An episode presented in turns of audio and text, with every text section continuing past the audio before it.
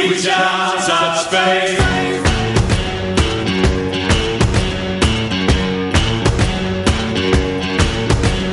Sergi Garcia. La tarda. Cope Catalunya i Andorra. Estàs informat.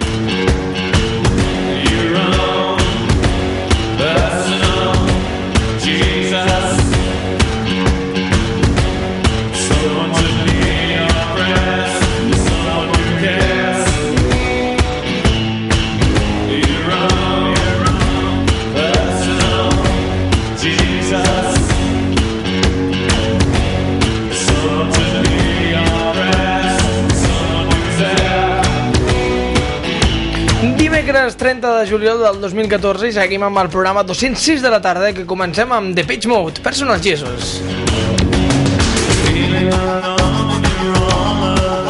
Bona tarda, Clara, què tal? Molt bona tarda. Què tal? Com estàs? Doncs molt bé, molt bé. Sí? Molt bé? Molt bé. Ho dius com Home. convençuda? No, no, estic molt bé, sí, sí. És dimecres ja, o sigui que bé. Escolta, què tindrem avui? Doncs avui tenim una entrevista que vas fer tu, no? Sí, senyor, Sí? molt bé, comencem Bé, bé, molt bé. bé. bé. Et veig atenta, et veig atenta. Sí, anirem, eh, anirem a Barcelona, que hi ha un lloc on fan figuretes. Bé, de fet, t'imprimeixen a tu en, en 3D. És a dir, si em trobes molt a falta aquest estiu, per exemple, Ah, doncs que et sí, passarà, sí, sí, que sí, et passarà, Clara, no ho saps encara, però et passarà. Eh, et donaré una figureta meva, que és en escala, bueno, molt en escala no, Guaies, perquè jo no? ja soc petitó, però, però no, et donaré una, una. Això és en també 3D. és on fan les pizzas? Les pizzas? Pizzas, sí, 3D. Que t'estàs liant. T'ho juro? Bé, no, no, no passa res, no passa res, Vale. t'estàs liant, no passa res. Vale, ja ho sé, però... Bé, Però escolta, estaria bé, eh? Bé, continuem amb el tema. Eh, són aquests... Després continuem, Ah. com cada dimecres, no? Mhm. Secció de tecnologia mòbil amb Lluís Miret, que avui ens porta el Pipo Serrano. Home, periodista conegut per aquí, per Catalunya. Sí, i professor del màster de periodisme a Barcelona-New York de la UB. Carai, molt bé, avui sí que aprendrem molt amb Molt. aquest professor i a sobre professional dels mitjans. I després, com sempre, tindrem el nostre doctor, el doctor Jordi Botell. que portarà l'Albert Mallol, director artístic del Festival Porta Ferrada de Sant Feliu de Guíxols, i Marc Vilà, un dels creadors d'Era Festival. Doncs molt bé, amb tot això i segurament moltíssimes coses més, nosaltres doncs comencem quan són les 6 i 10 minuts de la tarda, com sempre amb la Rebeca Gómez i la Clara Serrano a la producció, el Miguel Peral al control tècnic i un servidor, la tarda de tarda a Cope Catalunya i Andorra. Bona tarda, em trobo aquí al carrer Ample número 12 eh, amb una de les persones responsables d'una de les empreses tecnològiques doncs, eh, més avançades de Barcelona, m'atreveixo a dir. Eh, Labs 3D. Buenas tardes, Juliano Montoya. Buenas tardes, ¿cómo estás? Bien, yo estoy primero, te tengo que, que confesar que estoy un poco acongojado, porque esto de que te impriman en 3D no sabía que era posible. Bueno, sí, ahora ya tenemos un nivel de tecnología que podemos hacerte a escala, eh, en miniatura, en distintos tipos de tamaño y con un nivel de definición que pueden engañar al ojo en, en el nivel fotográfico. Claro, eh, me planteo el hecho de imprimir en 3D, me planteo las posibilidades que esto puede llegar a tener. Ahora hablaremos de todas las posibilidades y cómo estáis enfocando también eh, el negocio. Pero antes quiero contextualizar un poco todo eh, este tema a nivel tecnológico. ¿De dónde viene la impresión 3D? ¿Quién se atreve a decir yo voy a hacer una impresora que te imprima en tres dimensiones? Bueno, a nivel histórico, los pioneros son los industriales a nivel de prototipaje y a nivel de piezas mecánicas y, y ahí, ahí fue el desarrollo inicial. Y con el transcurso de los años, esto ya a finales de los 80, inicios de los 90, esto fue desarrollándose a más. A partir de 2010, 2011, se empezaron a abrir ramas ya a nivel de consumo y a nivel de acceso del público en general y no solamente de la industria. A nivel automotriz esto ya existía hace tiempo, sino que era algo muy cerrado ¿no? para pocos. ¿Cuándo descubres tú la impresión 3D? Fue un poco analizar con, con mi hermano un poco posibles mercados a nivel de incorporar a en Barcelona donde no había nadie introducido o no, o no estaba explotado y comenzamos a analizar la posibilidad de poder entrar en varios campos de negocio y conversando con él decidimos meternos en, en 3D a partir del año pasado más o menos y empezamos a investigar viendo las posibilidades y viajando para, para un, bueno, viajando a un buen eh, evento de, de impresoras 3D en Estados Unidos para ver qué posibilidades había y contactar con fabricantes y ver las posibilidades que habían porque el mercado americano tiene un, un histórico mayor en el desarrollo de la impresión 3D en mercados. Entonces este viaje nos hizo un poco abrir los ojos en qué podíamos incorporar eh, a nivel de impresión 3D en, Barcelona. La gente ahora se debe estar preguntando, eh, esto de que te impriman en 3D debe ser carísimo. Y no, realmente el precio es bastante asequible, ¿no? Para una figura hecha a medida y tan personalizada como es esta. Sí, bueno, los valores dependen mucho de la escala que quieras hacerte, ¿no? Si quieres hacer una escala muy grande, de de hecho que va a ser un poco, un poco, un poco más costoso por la cantidad de horas que la impresora está trabajando. ¿Se puede hacer en tamaño real? Es decir, ¿me podría imprimir yo a tamaño real para tenerme, no sé, o que me tenga mi novia siempre en casa, por ejemplo? Se podría, pero claro, eso es una maquinaria de que pocos tendrían acceso. Tendría que ser una maquinaria de una impresora 3D gigante, muy costosa. Se puede, se puede, se puede. Bien, eh, hablábamos de, de los costes que podría llegar a tener una figurita para hacer un regalo a un familiar o a un amigo, hasta una figura para, para yo me lo imagino, en, en algunos, eh, por ejemplo, en algunas consultas médicas o algunos famosos que quieran hacer un fotocall sin estar ellos presentes, ¿no? Esto puede llegar a pasar. Sí, podría, podría llegar a hacerse ¿eh? sin ningún problema. A nivel de costes estamos trabajando con eh, escalas desde la 1.13 hasta la 1.8 de tu tamaño. La 1.13 es la pequeña, es de 99 euros. Luego tenemos una de 1.11 que es 129, una escala media de 1 1.10 que es 149, 1 1.9 199 y una escala 1.8 que es la más grande, que podría ser un tamaño medio de una persona de 1,80 m, unos 24, 23 centímetros a 269 más o menos. De esto ya, ya está viniendo gente más o menos conocida a hacerse, a hacerse eh, su, miniatura, ¿no? Y no me extrañaría que a nivel de, foto, de fotografía podrías poner a alguien en, detrás de un escritorio o haciendo la vez como si estuviese presente en su trabajo y poder engañar fácilmente. Ja sabeu, eh, si voleu enganyar el vostre cap, doncs veniu, us imprimiu i ja està. Escolta, eh, más cositas, Juliano. Lo que sí que me gustaría saber también es cómo se realizan estas figuras. Es decir, cuál es el proceso tecnológico y cuánto tardáis en entregar una figura. Sí, son tres pasos. El primer paso es que venga la persona, le hacemos una cita eh, a una hora coordinada y con ciertos consejos. Eh, siempre aconsejamos que la ropa que use sea tonos claros. Los tonos claros imprimidos en 3D favorecen porque como sale los pliegues de la ropa, de las camisas, las arrugas, esto se refleja en la impresión y crea sombras reales. El negro no genera mucha sombra en la misma ropa. Entonces, con ciertos consejos de no llevar ropa ro- negra integral, tampoco llevar plateados ni dorados que el escáner refleja y saldría un vacío en el cuerpo. Ya viene la persona preparada, en un proceso de unos 10, 15 minutos lo escaneamos con una luz más o menos potente y con una pistola escáner 3D hacemos un barrido del cuerpo de cabeza a pies, en esto lo que te digo, unos 15 minutos. Con los Una, cuales- una pistola 3D.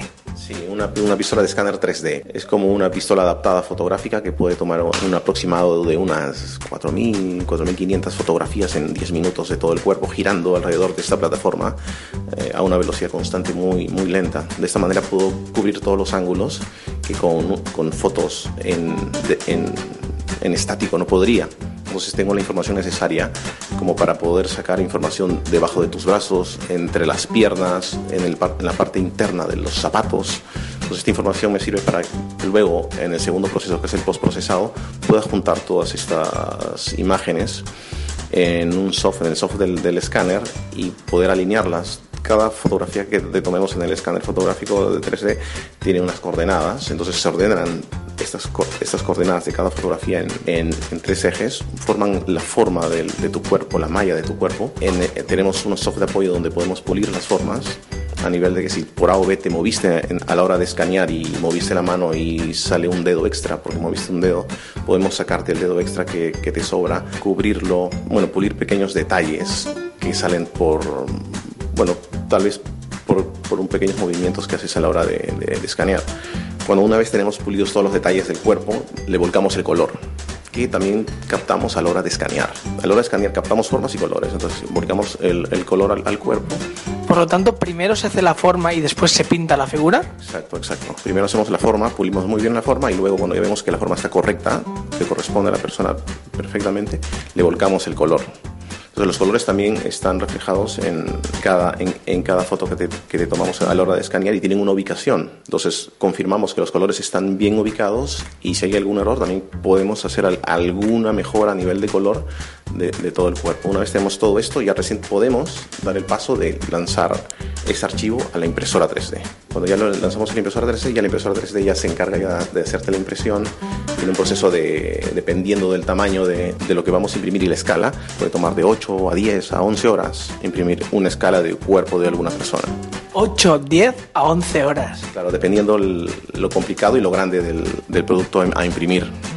Es una impresión que es de muy, muy, muy, de, capas muy, muy finas. Así que para hacer un, tra- un trabajo muy fino y que no se noten las, las capas, son muy delgadas. Entonces es un proceso muy lento. Una vez ya sabemos cómo, cómo se hace todo el proceso, cómo conseguimos pues desde el inicio hasta el final pues conseguir esta figura 3D pintada y personalizada.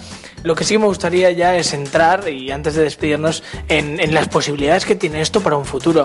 Eh, yo me imagino uno, por ejemplo, el hecho de que unas monturas de gafa, por ejemplo, se puedan llegar a imprimir. ¿O para qué otros sectores o para qué otros ámbitos se pueden utilizar la impresión 3D? En el campo médicos, en el campo médico ya se está utilizando a nivel de prótesis dentales, en el campo de alimentación también ya se está haciendo impresiones en, en chocolate, a nivel de decoración también se hacen lámparas con, con impresoras 3D a diseños a pedido. O sea, yo puedo hacer un pedido y no lo, tengo, no lo compro al proveedor, sino el proveedor lo fabrica según mi pedido. Evitas el, el sobreestocaje de, en producción. ¿Cómo ves tú el futuro, Juliano? ¿El futuro de la impresión 3D hacia dónde avanzará? ¿Tendréis que renovar muy rápido o esto tiene para tiempo? No, tendremos que hacer más, variar, variar más cosas, a- abrirnos a más campos seguramente. Del cons- tendremos, nuestro siguiente paso será directamente poder hacer cosas a nivel de gente que no esté presente aquí. Estamos hablando de los hologramas ya. Pero que por medio de nuestra web que la gente pueda subir sus fotos y con esas fotos la misma gente hacer un pedido de una impresión propia con una estructura de cuerpo que la persona elija y una vestimenta que la persona elija y una posición que la persona elija. O sea, poder tú subir una fotografía tuya en la web de frente y perfil, tú elegir un vestido de traje con la posición sentado, con, con una contextura delgada y una talla aproximada tal. Entonces con estos parámetros nosotros podemos ya fabricar el producto, pulir la cara con las fotos que nos des de, de- que haya subido y hacerla sin tener que tener la persona aquí. Esto nos evitaría de que solamente las personas que vivan en Barcelona pasen por Barcelona se hagan, sino que tener contacto ya con gente de, de cualquier lugar que tenga acceso a nuestra web. Ese es el siguiente paso y, y estamos abriendo más pasos a, otro- a, otros, a otras líneas de consumo de, a nivel de... También hemos hecho ya ensayos con motos, con gente, poder personalizarte tú con tu Vespa tuneada o con tu, o con tu Harley también. Entonces, no solamente la persona solo, sino la persona con algo que lo identifique. Yo lo que sí que ya voy a haceros una reserva, porque no sé si algún día me voy a casar, pero a la figurita de los novios yo la quiero ya que me la impriméis aquí en Labs 3D. Ese es un clásico, es un clásico.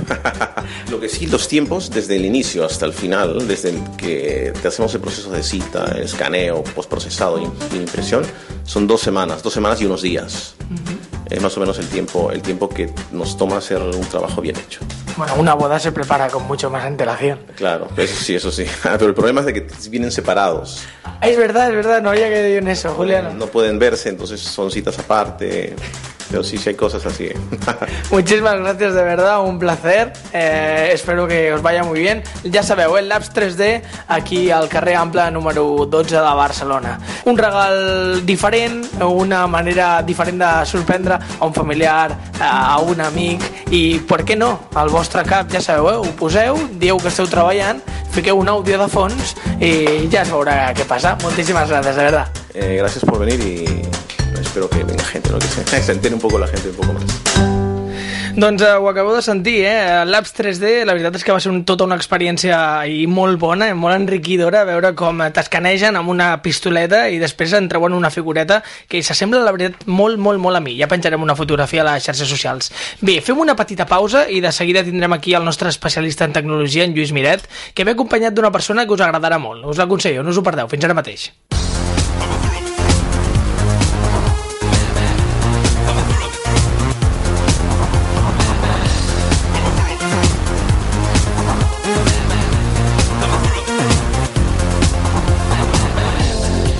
I ara sí, ja estem aquí, com cada dimecres, doncs és el moment de rebre en aquest estudi el Lluís Miret. Bona tarda. Hola, molt bona tarda. Com estàs? Bé, una mica trist. És Home. l'últim dia de, de temporada. Això t'anava a dir jo. Després em, em, em deixaràs un minutet per agrair-te doncs, que hagis estat aquí tots els dimecres d'aquesta temporada portant-nos, bé, molta tecnologia, portant-nos eh, nous, nous termes d'aquest, de les smart cities, eh, tot l'entorn mòbil, tots els dispositius dels quals doncs, ens faciliten una miqueta més la vida i bé, de- després en parlarem de tot Molt bé, plegat i bé. veure si l'any vinent vols tornar o no. Per mi sí, jo encantat.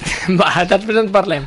Però avui tenim un convidat de luxe. I tant, ens acompanya el senyor Pipo Serrano, que és periodista actualment a Ràdio i Televisió i és professor del màster de periodisme Barcelona-Nova York, és de la Universitat de Barcelona i de la Universitat de Colúmbia.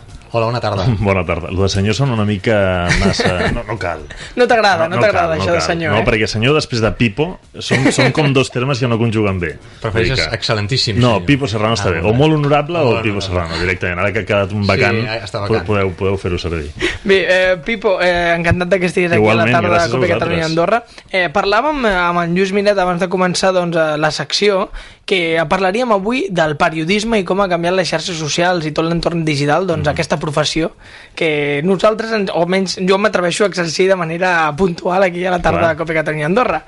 Eh, bé, Home, jo crec que ha canviat tot, no? Mhm. Ha canviat molt, bé, ha canviat molt, però tampoc ha canviat diguéssim, del tot. Ahir ho parlàvem justament eh, amb el màster, bé, estàvem preparant eh, una mica la temporada vinent i aquesta, bé, l'any l'any que ens eh, vindrà i enfocàvem una mica com ho avaluaríem. I dèiem, en el fons, la televisió, la ràdio, eh, no ha canviat o la premsa, no. diguéssim, no ha canviat en el sentit que has de seguir educant els alumnes perquè segueixin sabent escriure, escriure eh, perquè escriguin bé eh, per ràdio, perquè sàpiguen escriure bé per televisió i bé per premsa, que són diferents disciplines, diferents maneres d'escriure. Uh -huh. Ara bé, si això no ho sabem aprofitar amb el potencial que ara tenim amb les xarxes i amb els mitjans que hi ha, estem perdent el temps. Llavors, Al- aquest, podria ser el canvi. Clar, el que està claríssim, i no sé si teniu aquesta percepció vosaltres, és que les xarxes socials eh, han assolit el paper de la immediatesa. Abans eh, la ràdio era, el- era la, la, el mitjà que més ràpid podia eh, donar una notícia, bé perquè no havien d'editar mm. vídeos o bé perquè eh, no havíem d'esperar noves edicions o edicions extres, eh, ja siguin als diaris. La ràdio era immediatesa, tallaven el programa, donaven una bomba informativa, mm. o el que se'n diu als Estats Units com les breaking news, mm. no? Eh, i punt i final. Avui en dia el Twitter eh, és segon a segon. No, no, és molt més ràpid, és, és, és meravellós com funciona. Hi ha una cosa que és cert que tots hem acabat jo diria confonent una mica o, o, o barrejant, uh, no tots són xarxes socials, perquè hi ha un altre tema que és meravellós i que, que està funcionant molt bé des de fa molts anys, que és el tema dels bloggers. Però uh, és evident que el, que el que tu dius és cert, vull dir, les xarxes socials han, han, han passat per davant del, de la ràdio, que era el mitjà més immediat, uh, cosa que ha tingut mm, diguéssim, bé, parts molt bones, eh, vessants molt positives, però també d'altres que no. Mm -hmm. Sí, la veritat pels, és que sí. Els periodistes, per exemple, el Twitter, que tu dius, clar, és que un periodista avui en dia que no tingui Twitter eh, no, no sé Ara, què està ara en fent. parlarem d'això, perquè això és la, ja la identitat, la identitat, la, la, la, eh, la petjada digital que tu deixes a la xarxa. Clar. Eh, els periodistes ja han de començar a generar-se en si mateixos ja una, un perfil Sí. no? de, de professional. És que tot en aquest sentit sí que ha canviat molt. Eh, jo me n'he donat en, en moments treballant a altres emissores, a Catalunya Ràdio, a RAC1, a, a diferents llocs, eh, que fins i tot en el contracte que signes, sovint se t'intenta vincular, no sempre passa, el teu perfil digital amb el teu perfil analògic, diguéssim. veus malament? Mm, depèn de què. És a dir, entenc, per exemple, el que a mi se m'ha exigit en ocasions, que és que quan dirigeixes un equip siguis responsable que les xarxes també s'hi si expliqui bé el que hi fas en el programa i que de la mateixa manera que es calcula que si tens una bona audiència normal i corrent, diguéssim, l'audiència que tothom entén avui en dia, que li vienen al carrer algú i diuen, escolta, què, què, què escucha usted? Pues Cope Catalunya, perfecte, doncs compte. Doncs això està molt bé, però a banda d'aquesta hi ha una altra audiència, que és la digital, la quantitat de gent que et segueix per la xarxa, i això està molt bé. Però hi ha un problema que és quan es confon eh, la teva identitat digital amb la de l'emissora on treballes. I per això, si us hi fixeu, moltíssims periodistes i professionals cada cop més en els seus perfils de Twitter o Instagram mm. posen perfil personal, no d'empresa. Perquè al final tu no representes les 24 hores a una empresa. I això és un problema que tenim els periodistes que a vegades quan, quan aboquem les nostres opinions eh, quedem molt marcats. I per tant, eh, és, és complex. Uh, uh, D'aquest tema hem parlat aquí alguna vegada de temes de marca personal, d'identitat digital. El que passa és que amb els periodistes és molt més evident, perquè ells estan... La seva feina és comunicar. Clar. I, i és per això que és, és necessari fer aquesta... Sí, i- el, el Twitter va molt bé, eh? perquè el Twitter ens ha demostrat que és com si qualsevol persona al carrer, no només els periodistes, sí. poguéssim tenir una agència de notícies al, al segon, eh, sense anar més lluny, ahir, ahir va haver una compareixença d'Artur Mas, president de la Generalitat, que eh, volia referir-se a l'afer Pujol i explicar com quedava tot plegat dels seus càrrecs i a més. Aquesta compareixença no va ser anunciada pels mètodes tradicionals, que seria una convocatòria de premsa als diferents mitjans. Va ser anunciada per una piulada, per un tuit de Joan Maria Piqué, que és el seu cap de premsa. I d'aquí també ho va fer Joan Martí, que és, que és cap de comunicació del govern, i altra gent. És a dir, ha, canviat les coses Però i la gent ho obliga, segueix. Però això obliga els professionals a estar alerta Clar. 24 hores del que pugui piular qualsevol Clar. portaveu de, de, de qualsevol administració o qualsevol eh, cabinet de premsa de Clar. qualsevol Però això entitat. és una evolució. Abans teníem els tèlex i Sí, tota una i sèrie el de seguim tenint, eh, els periodistes, vull dir, aquí Clar, segur sí, que els sí. teniu i, i tots tenim sistemes tipus el Dalet, que són professionals, on a banda d'editar els teus àudios et van arribant les notícies, igual que el que ha vist la sèrie de Newsroom, eh, veu que quan diuen una alerta verde i tothom diu, ah, da igual, no passa nada. Clar, és una alerta verde, ningú li dona importància. Si surt vermella, tothom corre, no? Doncs també segueix passant. El que passa és que Twitter ens ha facilitat algunes fórmules, que això, per exemple, ho expliquem en els periodistes o els futurs periodistes, de com gestionar totes aquestes quantitats d'informació, perquè la sobreinformació també és un problema, que és, per exemple, seguir eh, o tenir activades les notificacions mòbils a Twitter. Per tant, tu pots dir, a Joan Maria Piqué, que és cap de premsa del president de la Generalitat, el vull tenir eh, com si haguéssim seguit constantment. Què vol dir això? Que cada cop que ell piula alguna cosa, a tu t'avisa.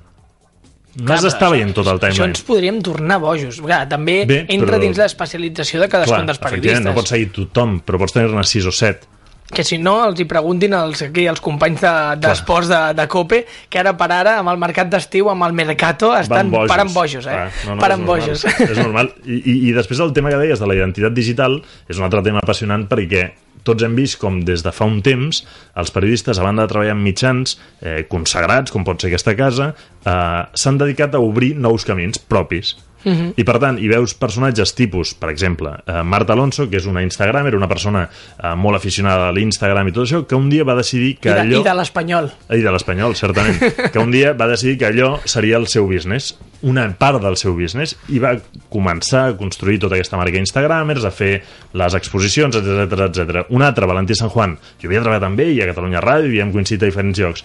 Uh, un dia va dir, escolta, jo vull fer-ho diferent, i ho ha fet tot online, i ara té un canal a YouTube, visto- visto el lo visto, visto. visto eh, fa moltes coses, vull dir que i aquesta gent s'ha construït la seva carrera, al final estan aconseguint la seva pròpia publicitat, el seu propi entorn, el seu propi producte, i això també és interessant, no?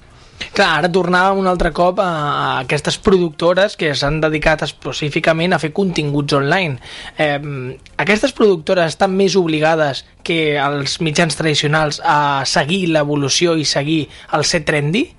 Què n'opines? Sí, sí, el que passa és que jo crec que cada cop està passant més a un segon plànol el fet d'estar a totes les xarxes. Vull dir, aquí ha passat com a tot. eh, a, a tot ens passem de llarg i després tornem al centre. Llavors acabem en un punt que diguéssim que és el correcte, una mica més equilibrat. L'efecte ampolla de xampany o ampolla de cava, Sí, eh? Que sí. és aquest, aquesta sortida forta. ens passa sempre, amb qualsevol cosa, quan s'instaura una cosa, la gent es torna boja i després anem una mica al punt mig, cosa que és fantàstica per nosaltres, perquè ja tenim una edat i no ens ha agafat en, en, en plena ebullició, diguéssim, hormonal, perquè si no és molt perillós, perquè pots comunicar massa coses que potser no hauries de comunicar. Però què va passar? Que durant un temps la gent volia estar tot arreu. Llavors tu veies, i a més era, era un, un, un símptoma terrible dels polítics. Obrien una campanya nova, hi havia una campanya Sí. electoral, i de sobte al, al seu web hi havia 15 eines de xarxes socials on hi eren. Ningú era capaç de seguir-ho. Què han fet ara la gent? La gent ha entès que les xarxes socials són un vehicle per comunicar, però al final, a mi, pel meu target, per la meva manera d'expressar-me, m'interessen tres. I has d'estar a tres, molt bé, però a tres. Mm -hmm. Llavors, aquestes productores o aquesta gent que està fent això, el que jo crec que estan fent molt bé i, i d'una forma molt interessant és apostar més pel contingut que per la xarxa. La xarxa és el canal. Al final, si no els hi dones res a través d'aquest canal, no, no, no, no, no guanyem res. No sé, parlàvem abans de que la persona no havia de ser l'empresa, això en el- en l'àmbit periodístic, en l'àmbit sobretot de, dels personatges públics i que tenim un micròfon davant, tenim una càmera davant o fins i tot tenim un, un ordinador per escriure uns articles una, i una columna d'opinió, passa bastant, mm. però quan tu te'n vas a l'empresa, a l'empresa corporativa, a l'empresa normal, aquí ja comença a ser una mica més, eh, més delicat el tema, perquè normalment no estàs tan exposat a les xarxes socials i quan t'exposes o fiques un comentari personal, sí aquí hi ha hagut casos, no sé, no sé si us heu trobat o en sabeu d'algun, que hi ha hagut fins i tot acomiadaments. I tant, i en el cas d'Espanya fins i tot algun polític, si ens, us en recordeu de la marca Espanya, el director de marca Espanya va caure precisament per fer una mala utilització de les xarxes o, o per expressar una opinió eh, fora de lloc. És, és força habitual. De fet, fa un parell de dies, ara no recordo si va ser ahir o abans d'ahir, perquè com sempre anem consultant els periodistes, ens passa ara que amb aquesta cosa de la xarxa estem constantment connectats, no? però no sé si va ser ahir o abans d'ahir que un regidor eh, d'un poble, no recordo d'on, eh, va fer un comentari poc afortunat sobre Bisbal. Eh, no, no el podria reproduir, però si el busques tu veuràs que és poc afortunat, però, però era, diguéssim, bastant eh, falton. I, i eh, bé, doncs heu de demanar disculpes immediatament perquè se li estava complicant la cosa.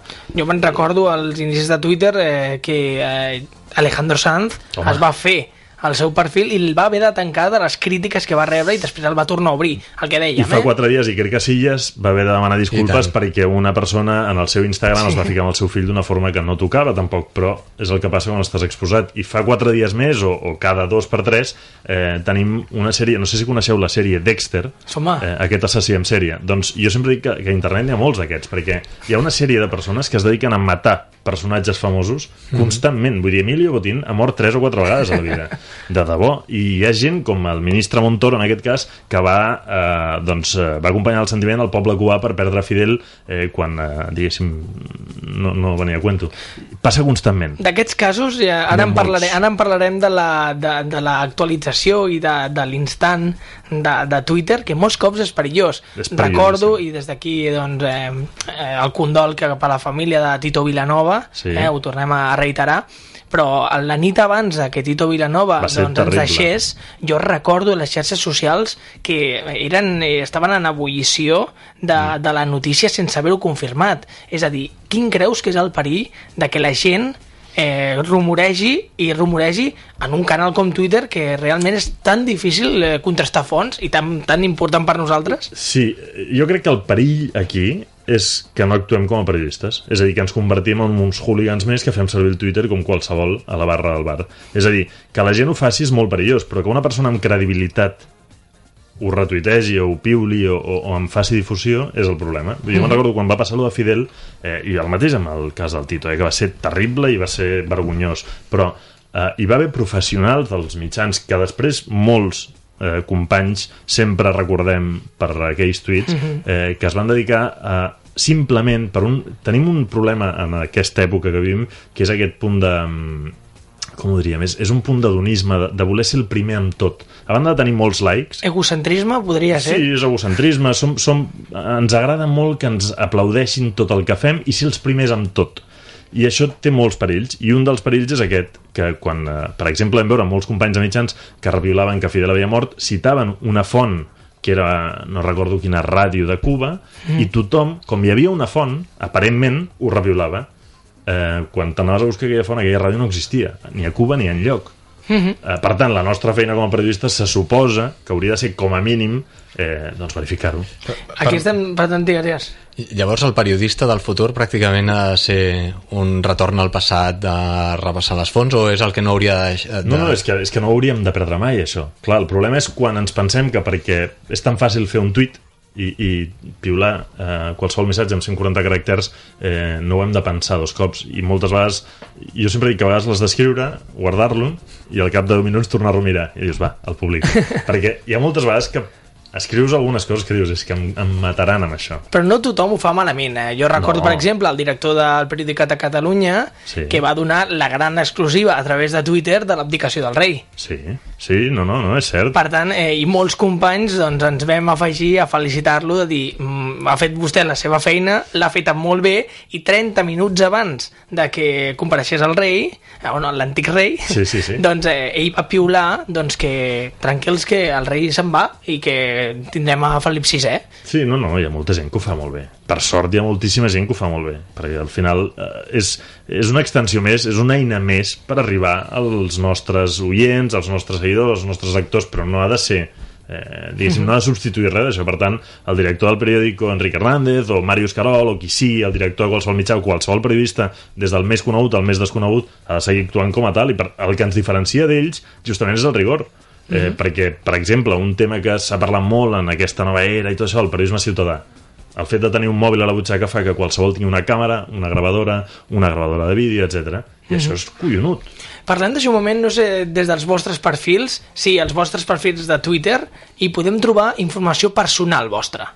En el teu cas, Lluís, hi podem trobar, a part d'informació professional, informació personal? Um, diré que jo sobretot amb el Twitter retuitejo, eh? Soc més... És soc un més... buyer, un buyer retuitejador. Sí, Exacte, senyor. exacte.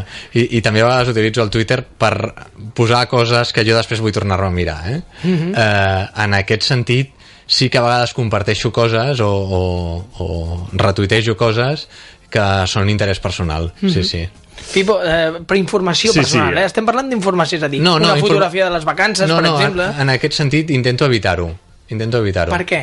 Eh, Després anirem amb tu, eh, Pipo? Sí, no, no, no, no. m'interessa, m'interessa veure què, què fa el Lluís. jo, jo, per exemple, tinc un, tinc un fill petit i, per exemple, he prohibit a tothom que eh, fotos del meu fill apareguin a la xarxa.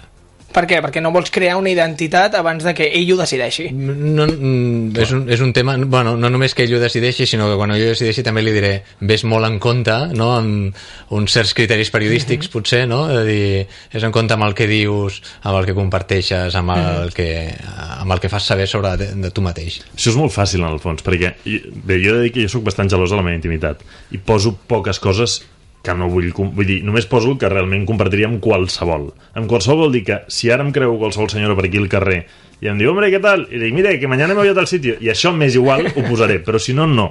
Uh, I jo sempre dic el mateix, vull dir, imagineu-vos que, i això ho diu la policia constantment, ara que estem en època estival, uh, deixeu de publicar els vostres timelines al Facebook, al Twitter, als murs i totes aquestes coses on teneu. Perquè això és com dir-li, mire, senyor Caco, eh, tengo la casa libre para usted, 15 días. No hace falta que corra. Mañana no venga, venga el viernes que no va a haver nadie.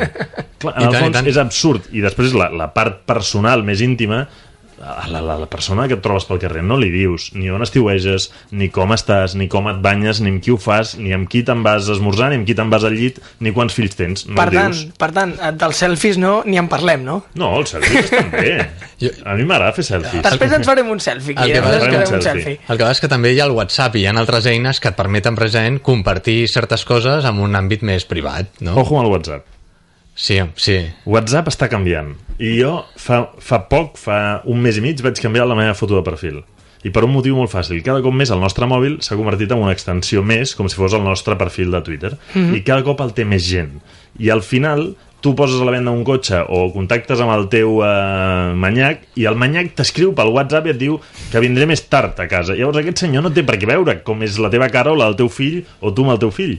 Per tant, jo ara ja cada cop més aposto per fotos de perfil on no hi surtis. Però aquí també s'ha de tenir reticència per, per veure a qui li dones el teu telèfon mòbil. Efectivament. Eh, eh, En, en, en això, la foto de WhatsApp meva és igual a la foto del LinkedIn i és igual a la foto del Twitter, perquè en el fons és aquella imatge pública Corporativa o pública. que, que tothom pot Bé, eh, Lluís, moltíssimes gràcies de veritat. Ara sí que se'ns ha acabat el temps per avui. Eh, moltíssimes gràcies de veritat per estar durant tots els dimecres amb nosaltres, eh, doncs portant-nos a gent molt, molt interessant i parlant-nos de la tecnologia. Tots no, que hi ha hagut el Mundial. Bueno, Però- bueno, però ja Déu-n'hi-do, m'entens, ja m'entens, ja m'entens. De veritat, moltíssimes gràcies. Pipo Serrano, Gràcies eh, un plaer tenir-te per aquí. Un plaer venir. Eh, temporada vinent, si continuem, doncs, eh, escolta, Aquí estem, quan vulgueu. convidadíssim. Gràcies. Nosaltres fem una petita pausa i de seguida tindrem el doctor Botell, que avui ens parlarà del Festival de Portaferrada de Sant Feliu de Guíxols. Fins ara mateix. I com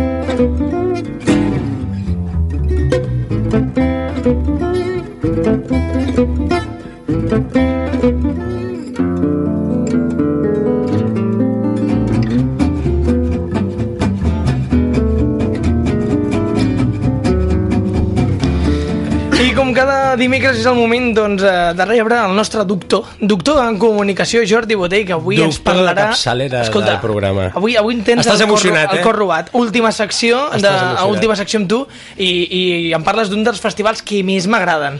Bueno, eh, a veure si els col·legues que tenim aquí tenen una gentilesa i et conviden, potser, no? No, home, no, no, no els demanarem això. Bueno, va, jo, pues, jo, de moment, pagando, va, pagando. jo de moment el que vull és que la nostra audiència en sàpiga d'aquest festival que parlarem avui i vagi molta gent a gaudir-ne. Sí, senyor.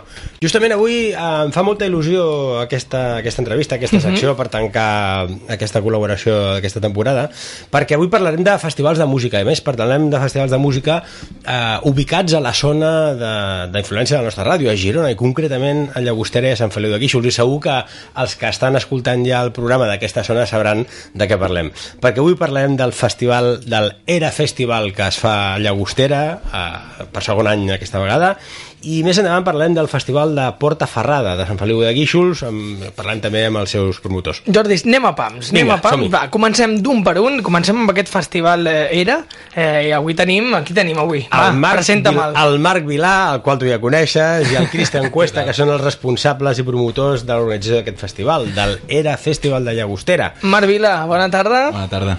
I eh, Albert Ma... Ma... Cristian Cuesta. Eh, Cristian Cuesta, perdona. Tranquil. Eh, que aquí Albert i em ligo, els papers em lien a mi.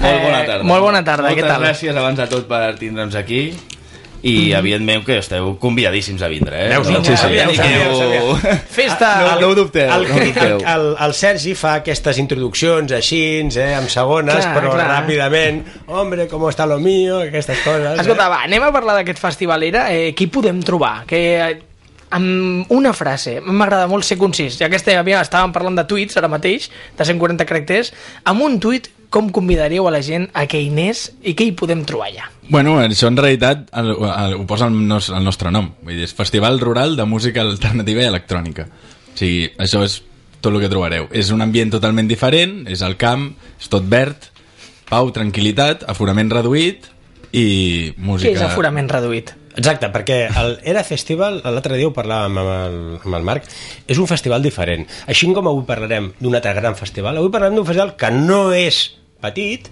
però que és diferent, no? I que d'alguna manera qui hi va troba la no massificació. És així, no?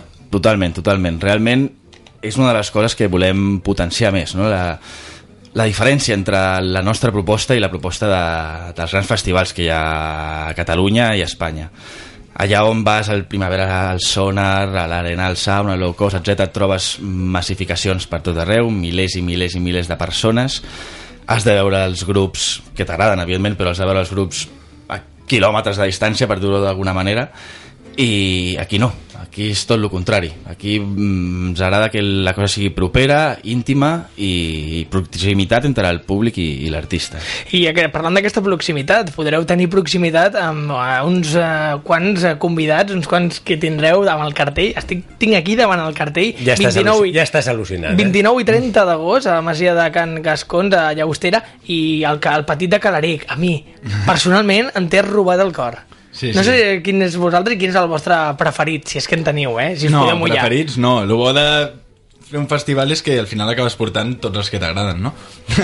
tots els que pots dels Ho- que t'agraden Ho, feu Sí, per, òbviament. ho feu per vosaltres i pels vostres col·legues, no? Sí. Exacte, per això, per això és petitet. en, el, en el fons el festival va començar a ser una festa en, entre col·legues realment fa 4 anys que, que vam començar amb tot això i es va muntar pels quatre col·legues molts dels que bueno, tots els que organitzem el festival són músics i en concret dos també tenien un grup en comú i van decidir muntar això perquè no ens contactaven a ningú altre lloc no? Van dir, escolta, doncs ho muntem nosaltres I vinga, nosotros. nostra. i vinga, i això va anar creixent va anar creixent, al boca a orella Una mica Juan I- Palomo, eh? sí, sí, No, i, i, I a més amb un tema molt interessant perquè enguany és el segon any que el feu i Així nivell segon oficial, oficial, sí. Sí. oficialment Sí, sí. I ja eh, comenceu amb dos jornades perquè fins ara havia sigut una jornada aquest any ja d'entrada patapam, dos Sí, eh? i aquí aquest- tenim gent com els Baths d'Estats Units, el Wear Standard Cuchillo, I Am Dive, Tala, Brigitte Levant tots els que són eh, diguem-ne, que els agrada aquest tipus de música saben de qui estem parlant Digues, digues, estaves parlant abans. Sí, no, eh, No, res, en realitat, dos dies. volia comentar una miqueta així, això dels dos dies. Eh, nosaltres, bueno, cada any sempre havíem fet una jornada. Mhm. Aquest any, bueno, tal, donat l'èxit que vam tenir l'any passat, vam decidir ampliar-ho. I llavors, això el que consisteix és en nosaltres el divendres eh, fem una sèrie de concerts gratuïts, oberts Mhm. a tothom, no fa falta que t'hagis comprat l'abonament. Tu pots venir, disfrutar de, de tres concerts, que són de eh, Dead Parties, Mhm. eh, Ready Baum i, eh, i Anímic. Vale? Això serà a la plaça del poble, a Mhm. Llagostera. Que això és una bona iniciativa, també, perquè d'alguna manera impliqueu doncs, el, els veïns, el poble, no? És una manera Sí. d'integrar uh, aquestes actuacions amb el, amb el poble, no? Sí, sí, l'objectiu precisament era aquest, no? Per una part, eh, que el poble es sentís partícip de- d'aquest projecte. Que Ei, cuidado que Llagostera, déu nhi aquest any, eh? Sí, sí. Està allò Sí, sí, al top, sí, sí. eh? Amb un equip a segona, l'Era Festival... Et, et, diré, et diré una cosa, tota Girona està d'enhorabona. Sí, sí, exacte. Tota, tota... És veritat, eh, tenim Sí, sí. equipets de futbol i a sobre, crec, la millor gastronomia, la millor, els millors museus, Sí, la millor cultura i a sobre ara els millors Ara els festivals. millors festivals també, sí, sí. Ho tenim tot, ho, ho tenim tot. Sí, senyor, digues que sí. Escolta, em, una de les coses que sí que m'a- m'agradaria molt en ressaltar és, que és aquests, aquests concerts gratuïts, és que no sé si el- l'objectiu és, l'objectiu és aquest, eh? però vosaltres teniu la sensació de que actualment la cultura segueix sent un luxe? Sí, la veritat és que és bastant així. I també, segurament, en, per, en tema com la música, i música més alternativa, acostuma a estar tot sempre a Barcelona, tot a Barcelona, Barcelona, Barcelona. I d'aquesta manera nosaltres el que intentem és intentar arribar pues, a la gent de la comarca, a la gent de la província, i, i fer-los també partíceps, pues, com dèiem abans, de, de lo que és el nostre festival. I amb el tema de l'IVA, el 21%, i etc etc. Sí, sí, continua sent un luxe. Nosaltres intentem que no ho sigui, que no ho sigui. Per això intentem que els preus siguin assequibles, Entrades assequibles. tant d'entrada com, com de... Anem a parlar, Què, anem a parlar exacte, què ha de fer la gent per comprar les vostres entrades? Eh, S'ha d'anar allà? Ho poden fer per internet? Poden, hi ha diverses opcions, ho poden fer per internet tenim servei de venda d'entrades a uns quants operadors Atrapalo, TicketScript poden entrar al Facebook nostre i uns enllaços directes Recordeu que la web del festival és festivalera.com i allà Correcte. trobareu molta informació. Allà també, allà tenim la venda d'entrades i, i, bueno, i evidentment directament des de les plataformes de venda i, i la gent que, que, que sigui d'última hora, que sempre n'hi ha, doncs sempre ha. aquí ja també n'hi haurà algunes. I tant de bo n'hi hagi molts, no?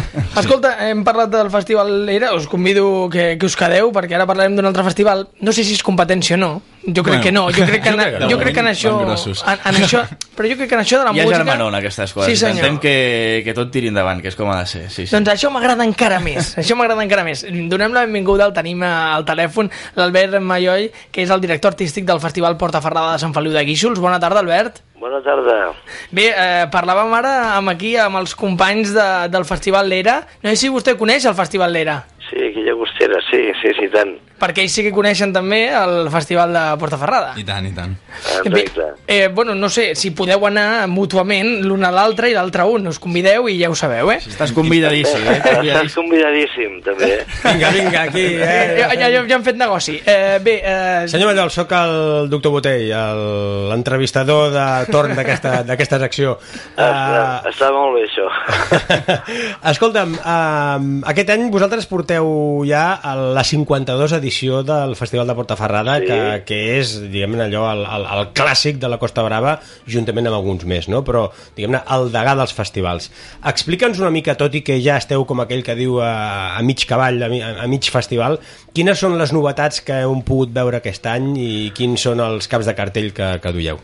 Bé, aquest any una mica la novetat pot ser també el, el nou espai que hem creat, que està tinguent doncs, molt, molt d'èxit, doncs és un espai allò entre trobada social abans dels concerts i després també aquesta, aquest apunt que hem fet una mica, bueno, hi ha do, do, dos, dos elements bastant importants que són un seria l'incorporació del Terrat amb, amb, el, amb el tema doncs, de la comèdia, etc d'aquests comedicones que hem fet aquest cap de setmana. Sí, que a més heu I la- tingut el Buenafuente i Exacte, Alberto presentant Romero, al no?, actuant Al allà. mig del carrer també presentant els espectacles i després també podríem dir doncs, aquesta aposta una mica doncs, per sempre el festival té ganes d'anar endavant i aquest any doncs, hem fet una aposta que esperem que tingui continuïtat amb, amb públic una mica doncs, de, ampliar doncs, l'aspecte de públic que tenim habitualment al festival. Efectivament, Amb- aquesta, si em permets, Albert, eh, per mi és una de les característiques rellevants d'aquest festival. Jo crec que ho he aconseguit, i estaràs amb mi, o si no, m'ho dius, que he aconseguit un eclecticisme brutal, no? Perquè hi ha tant Sí. actuacions per canalla com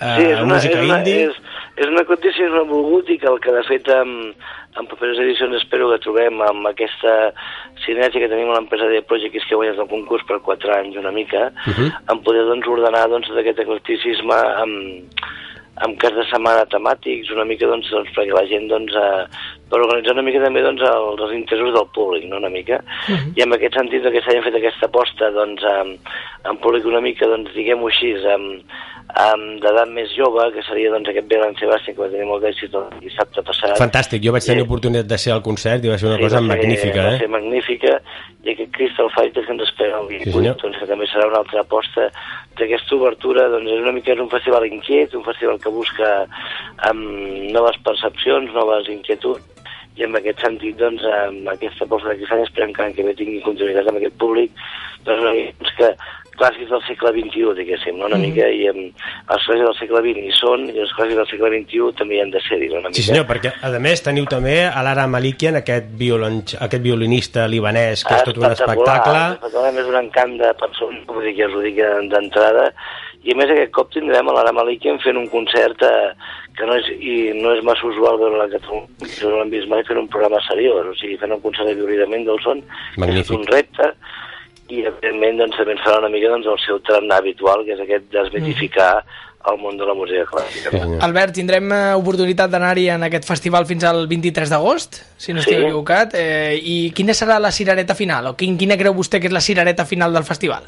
Home, hi ha unes quantes, no? O sigui, de fet, de, des de la Divimus que és la, la, de les tres vides que en aquest món doncs, han circulant per Europa, amb aquest jazz tan potent i aquesta energia que porta a sobre, Mhm. des de la Tati Kuhlman, doncs, que és una de les violoncelistes més, mm, en aquest moment amb més carisma del món, doncs, amb, i amb les seves presents durant aquestes tres suites de que ens farà el dia 5, fins al ballet de Víctor Ullate, doncs, que el tindrem per tancar el festival amb un Sansara, que fa 10 anys d'aquesta d'aquesta coreografia, que és una, és una sensibilitat i un encant especial, Mm. i per la resta doncs, el poder recuperar doncs, aquests Blues Brothers um, originals Va, de la pel·lícula un- que vau veure dels tres Blues Brothers n'hi ha Sí. dos que estan en el concert no? O sigui és, tot que- un, és tot un luxe. Eh, Albert eh, Malloi, director eh, artístic del Festival Portaferrada de Sant Feliu de Guíxols, moltíssimes gràcies.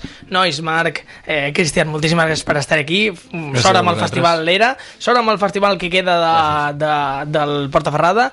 I Jordi, temporada El- vinent, el moltíssimes el doc- gràcies. El doctor Botell Doctor. tanca el llibre de receptes per aquesta Nosaltres, temporada. amb aquest llibre de receptes, amb aquests personatges, amb aquests grans eh, organitzadors de festivals, nosaltres ens acomiadem aquí. Eh, acabeu de passar una molt bona tarda. Tornem demà. Us deixem la linterna. Adéu-siau.